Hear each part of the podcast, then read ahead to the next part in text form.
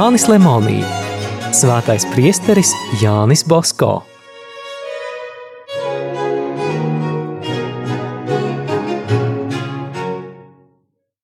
Jānis dzīvoja neciešamos apstākļos. Nekad viņš tik ļoti nebija novārdzis kā šajā skolas gadā. Skolas biedri zināja, ka Bosko dažreiz pat nav ko ēst. Viens no viņiem, Jāzeps, dažreiz mēdza viņam aiznest maizi un augļus. Tomēr grūtības un šķēršļi nesalauza puika apņēmību un dedzību. Pats ciestams trūkumu, viņš draugiem palīdzēja kā vien prata. Gimnāzijā mācījās daži ebreji. Sesdienās mēdza uzdot klases darbus, bet viņi, protams, nevarēja tos izpildīt. Jāni bija viņu žēl. Pēcpusdienā viņš tiem iedeva jau izpildītus rakstu darbus, lai pēc sabata svētīšanas tos varētu iesniegt skolotājam. Nabaga bērni, redzēdami tik sirsnīgu līdzjūtību tajos laikos, kad ebreju sabiedrībā necieta – Tā pieķērās Bosko, ka viens no tiem iemīlēja arī sava drauga apliecināto ticību. Šī zēna vārds bija Jona.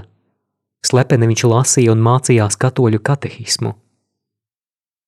Kādu dienu zēna māte, kārtodama viņa gultu starp abiem matračiem, atrada aizmirsto katehismu. Viņa saprata, no kurienes tas radies Jonam rokās. Bosko viņa nelika mierā, bet savu dēlu vairs negribēja mājās redzēt. Labi, ka atradās līdzjūtīgs priesteris, kas parūpējās par vajāto zēnu un iemācījis viņam ticības patiesības, to svinīgi nokristīja. Jonas piemēram vēlāk sekoja arī daži citi. Tajā pašā gadā Bosko apņēmās mācīt Kierī katedrāles sakristiānu Karlo Palacolo, jau pieaugušu un nepārāk spējīgu vīru, ko bija pārņēmušas lielas ilgas mācīties un kļūt par misionāru.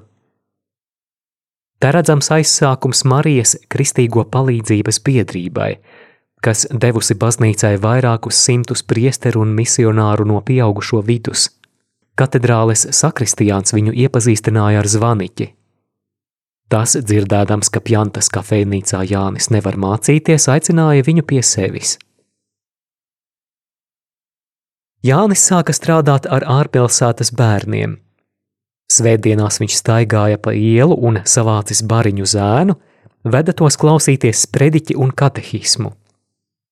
Kāds priesteris par šo bosko apustulātu bērnu vidū raksta. Svētdienas vakaros aiz pilsētas pie tilta sāka pulcēties zēni. Viņi sasēdās uz tilta margām vai apgulās pļavā un kaut ko gaidīja. Kad parādījās Bosko, visi sastājās ap viņu jautādami, ko viņš redzējis, kādus jaunumus zina, ko lasījis savās grāmatās. Jānis stāstīja, stāstīja tik gleznaini, ka stundas steidzās kā minūtes. Dažreiz Jāni aizkavēja darīšanas, un viņš neatnāca. Tad bērni gaidījuši un nesagaidījuši, degunus nokāruši šķīrās un norunāja rīt atkal te sapulcēties. Rītā taču Jānis nepiemānīšot. Tādas pulcēšanās Jānim šķita pavisam dabiskas. Neviens cits neprata tik daudz dažādu rotaļu, tik daudz dzējoļu, deklamāciju, pasaku. Viņš mācīja no galvas nodeklamēt gandrīz visu itāļu klasiķu darbus, Danti, Petrarku un citus.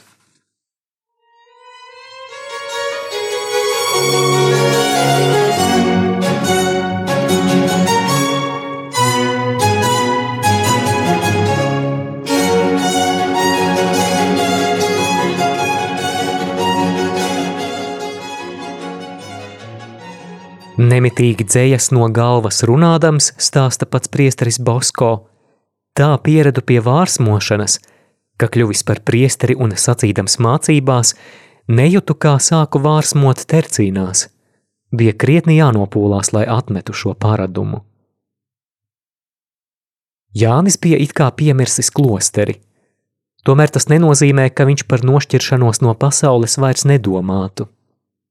Taisnība – Pagājušajā gadā lūgumu uzņemt klosterī viņš gan nebija iesniedzis, taču franciskāņi pirms lieldienā viņu aicināja aizbraukt uz Turīnu un svētās jaunavas eņģeļu karalienes klosterī savu aicinājumu pārbaudīt. Dažas nedēļas vēlāk Jānis saņēma paziņojumu, ka franciskāņu priekšniecība neliek nekādus šķēršļus viņa nodomam stāties ordenī. Tūlīt viņš sāka gatavoties stāties miera klosterī Kjerī. Tad Bosko kādu nakti redzēja neparastu sapni. Kāds mūks viņu lūgtin lūdza, lai tik Jānis nestājas klosterī, jo tur viņš mieru neatradīšot. Tas bija savāds sapnis, bet Jānis saviem sapņiem nekad nepievērsa uzmanību. Arī šoreiz viņš turpināja iesākto. Ja jau es jūtu aicinājumu stāties klosterī, tad arī Dievs pats man palīdzēs izturēt.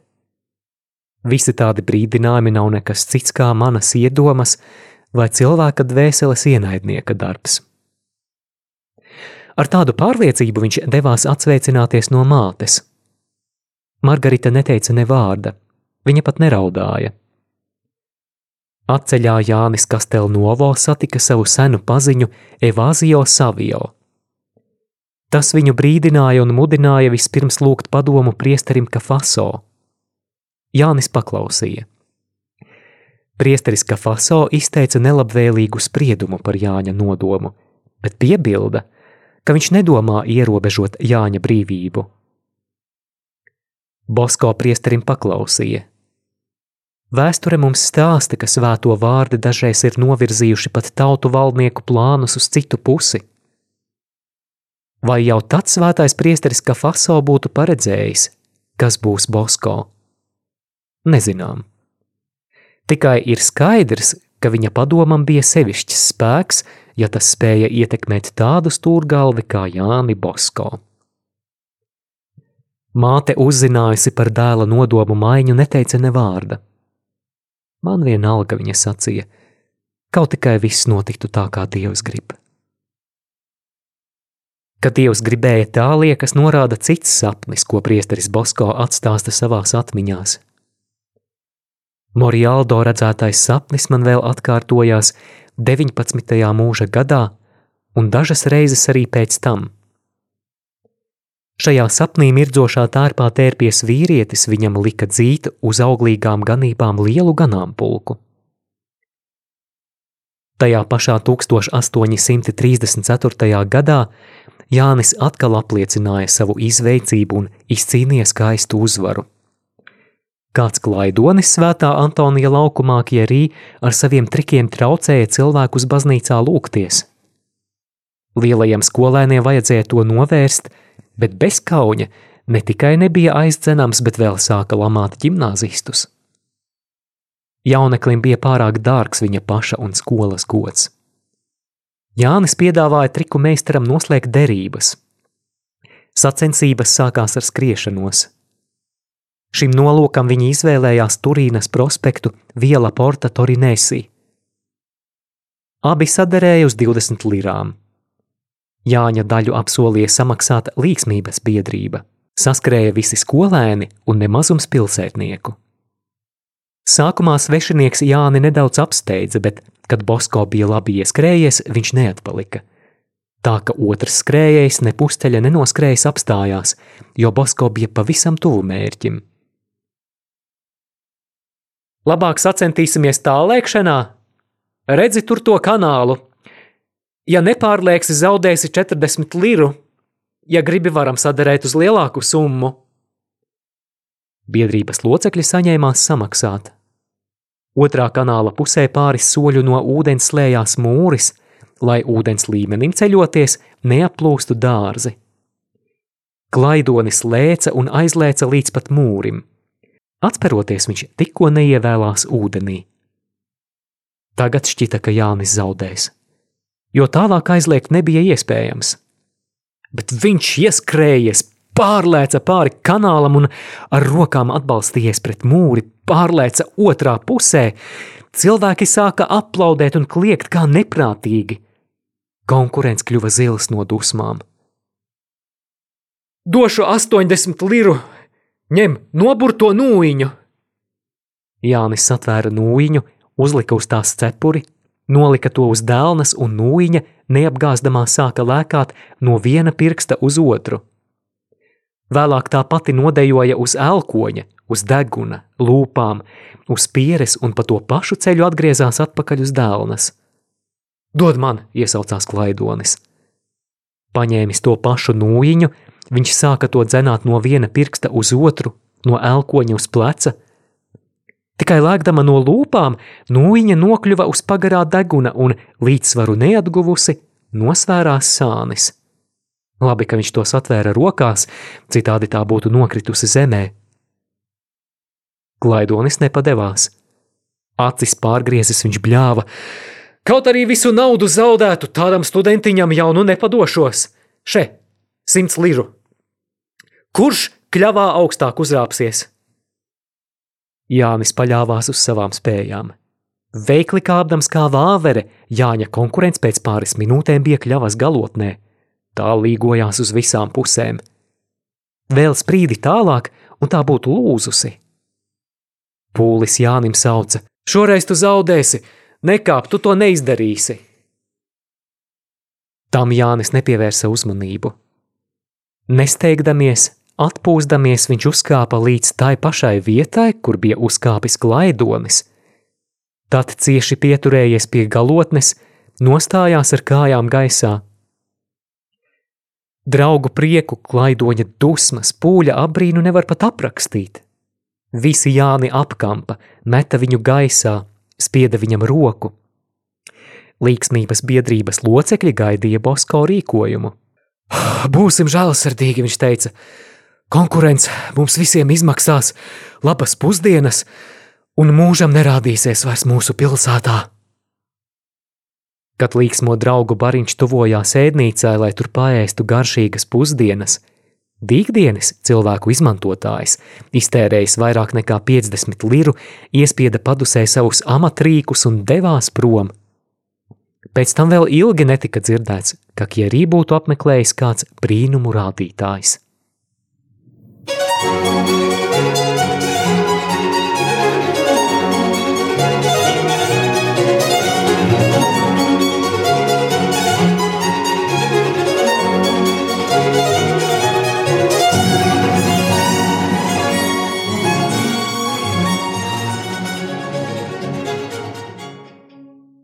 Redzot, ka Jānis bija tik drošs, ka nebaidījās no bezgoža klaidoņa, ne arī no pūļa, var šķist, ka viņš kļuvis vieglprātīgs pārgalvis.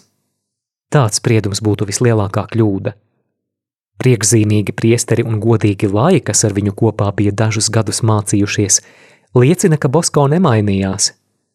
Kāds viņš bija jaunībā, tāds arī palika vienmēr, gan vīra gados, gan vecuma nastu nesdams, ar vien laipns – nevisai runīgs, vienmēr pieklājīgs vārdos un uzvedībā. Kad Jānis beidza Kierī ģimnāzijas piekto klasi, eksāmenu komisijas priekšsēdētājs bija valdības delegāts Turīnas licēja profesors Lantērī. Jānis kā vienmēr bija sagatavojies. Profesors Lantērī viņu eksaminēja grieķu valodā. Basko to zināja kā piecus pirkstus – Apmierinātais profesors atšķīra Ciceronu. Ko zini no Cicerona? Varu atbildēt visu. Profesors atvēra to, kas pagadījās. Gadījās paradoksa. Vai vari to iztulkot? Jā, profesora kungs, ja vēlaties, varu to no galvas pateikt latīniski. Iztirzā. Jānis pasacīja grieķiski virsrakstu un turpināja tālāk, ne vārda nekļūdoties. Pietiek! Pēc brīža profesors viņu pārtrauca. Sniedz roku, būsim draugi! Tad viņš Jāni apsēdināja un iztaujāja. Novēlējis visu labu, viņu atlaida. Atgriezies mājās, Jānis daudz palīdzēja Jāzepam lauku darbos, bet neaizmirsa arī savus agrākos draugus. Priesteris Cincāno tā iemīlēja savu jauno draugu locekli, ka ataicināja viņu pie sevis – piedāvāja Jānim pārcelties dzīvot uz prāvesta māju. Es vēl neesmu pilnīgi pārvācies uz Kastelu Novo, priesteris teica. Man bieži šur tur jāaizbrauc. Ja tu gribētu sargāt manu māju, es dotu tev nepieciešamo iztikai. Šeit tu varēsi mācīties, cik vien gribi. Parunā ar savu māti un tad nāc. Jānis labprāt šim priekšlikumam piekrita. Priestera uzaicinājums gan neļāva īstenoties citam Jāņa nodomam. Strādāt dieva godam un dvēseļu pestīšanai vienmēr bijušas viņa lielākās slāpes. Togad ticības izplatīšanas biedrība plaši un sekmīgi darbojās Piemontā. Jānis ļoti uzmanīgi sekoja misijas darbam, un arī pats nolēma kļūt par misionāru. Ja nebūtu priestera Cincāno, Eiropā nepazītu tādu priesteri Bosko. Dievs arī šeit pielika savu roku. Pēc daudziem gadiem, pats nevarēdams doties misijās, Bosko ik gadus sūtīja desmitiem evaņģēlijas sludinātāju uz visām pasaules malām. Priesteris Cincāno Jāni iemīlēja kā paša dēlu, un jaunekļa nākotne kļuva gaišāka. Jaunajā mācību gadā, uzsākot mācības piektajā klasē, Jānis dzīvoja Cincāno noīrētajā dzīvoklī pie kāda drēbnieka Kumīno. Uzturs, sevišķi pats dzīvoklis, bija neciešams. Labi, ka Jānim palīdzēja priesteris Kafaso, kurš viņam sagādāja klusu istabu un patīkamākus apstākļus. Skolēni savā starpā runāja, ka šajā gadā Kjerī ģimnāzijā ieradīsies kāds svēts jauneklis. Visi viņu gaidīja, sevišķi Jānis. Pēc dažām dienām viņš tiešām atbrauca. Tas bija 15-gadīgs zēns, kautrs, kārtīgs, laipns un ļoti apdāvināts. Lūk, ko par viņu raksta priesteris Bosko. Parasti pirmajās mācību dienās skolēni negrib neko darīt, un skolā sanākuši tikai klaigā un niekojas. Šajā laikā izceļas nākošie sliņķi un slaisti. Nedarbji gribēja savā barā ievilkt kluso zēnu, bet viņš vienmēr atrunājās, ka tādas bīstamas spēles neprotot spēlēt. Kādu dienu, kad šis zēns neievērodams troksni mācījās, pie viņa piestājās kāds sliņķis, paņēma viņu aiz rokas un ar varu spieda viņu lēkāt pāri soliem. Nē, ļauj man mācīties, es negribu. Es nekad neesmu tā ālējies. Bet es gribu, lai tu iemācītos. Ja nenāksi ar labu, dabūsi pausi un iesi. Siti, ja gribi, bet es neiešu. Es nemāku, nevaru, negribu. Tad bezkauņa sadusmojās un piestūma nevainīgo un nevarīgo zēnu pie sienas un sita viņam divas reizes pa ausi tā, ka klasē noskanēja. To redzēdams neizturēju. Asinis manās dzīslās sāka vārīties, un es tikai to vien gaidīju, lai aizskartais atrieptos. Tomēr jaunatnācējs bija citāds. Pagriezies pret kausli, Ar sarkanu vaigu un asaru aizmiglotām acīm viņš tikai pateica: Ja nu tev diezgan, tad ej, es tev piedodu. No šī gadījuma pārliecinājos, ka tiešām šis zēns ir svēts. Ar viņu parunājies, uzzināju, ka viņu sauc Alois Skamollo, ka viņš ir dekāna Cincāno radinieks. Viņš mācījās 4. klasē bet uz dažām lekcijām mēs gājām kopā. Mēs cieši sadraudzējāmies. No viņa mācījos patiesi kristīgu dzīvesveidu. Es biju atklāts pret viņu, viņš pret mani. Priesteris Bosko vēl stāsta, ka reiz viņa draugam uzbruka vesela skolēnu grupa, kuriem Komollo ar savu uzvedību nepatika. Viņa uzbruka, viņš stāsta, un neatlaidās. Saskaitos tā, ka saķēru vienu uzbrucēju aiz kājām un sāku vispirms sist viņu pašu, bet pēc tam ar viņu kā ar noju sist citus. Tad tie vairs neuzdrošinājās aizskart nevainīgo zēnu. Kurš spēcīgais līdzīgā gadījumā būtu rīkojies citādāk? Pavisam citādi domāja Komolo Bosko raksta. Tikko es viņu satiku, viņš sacīja: Redzi, Bosko, Tavs spēks mani baida, bet tavs bargums vēl vairāk. Atceries, ka Dievs tev nav devis spēku, lai draugus sistu. Tu ļoti labi zini, ko Dievs grib. tuvāk mīlestību un piedošanu, bet ne kaušanos un atriebību. Tā arī viņš rīkojās. Apsmiets un aizskarts Komollo nedusmojās, pat asāku vārdu nepateica. Nevarēja vien par viņu nopriecāties un beigt viņu apbrīnot. Kādu dienu līksmi sarunādamies, abi pagājām garām baznīcai. Aizmirsies, es pat cepuri nepacēlu. Viņš man tūlīt atgādināja: Jānīt, tu par daudz klausies cilvēku runas un nedzirdi, ka tev visvarenais no sava nama saka svētības vārdus. Citu reizi es jokodamies izmantoju svēto rakstu vārdus, kurus biju dzirdējis no garīdznieku lūpām. Kamalo mani stingri sabāra. Neklājas lietot mūsu muļķīgajos jokos visaugstākās gudrības izteicienus. Kad viņš sāka runāt par Jēzus mīlestību, par komuniju, Gamolo pilnīgi pārmainījās.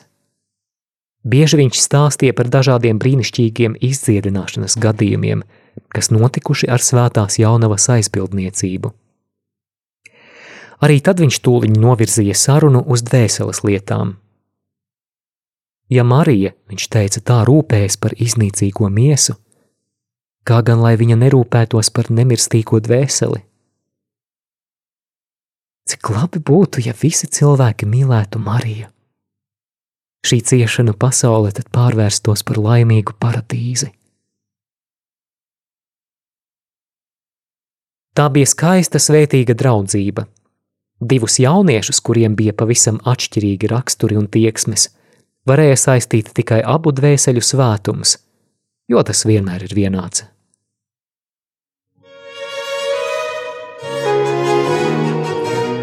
Izskanēja lasījums no Jāņa Lemonija grāmatas Svētais priesteris Jānis Bosko.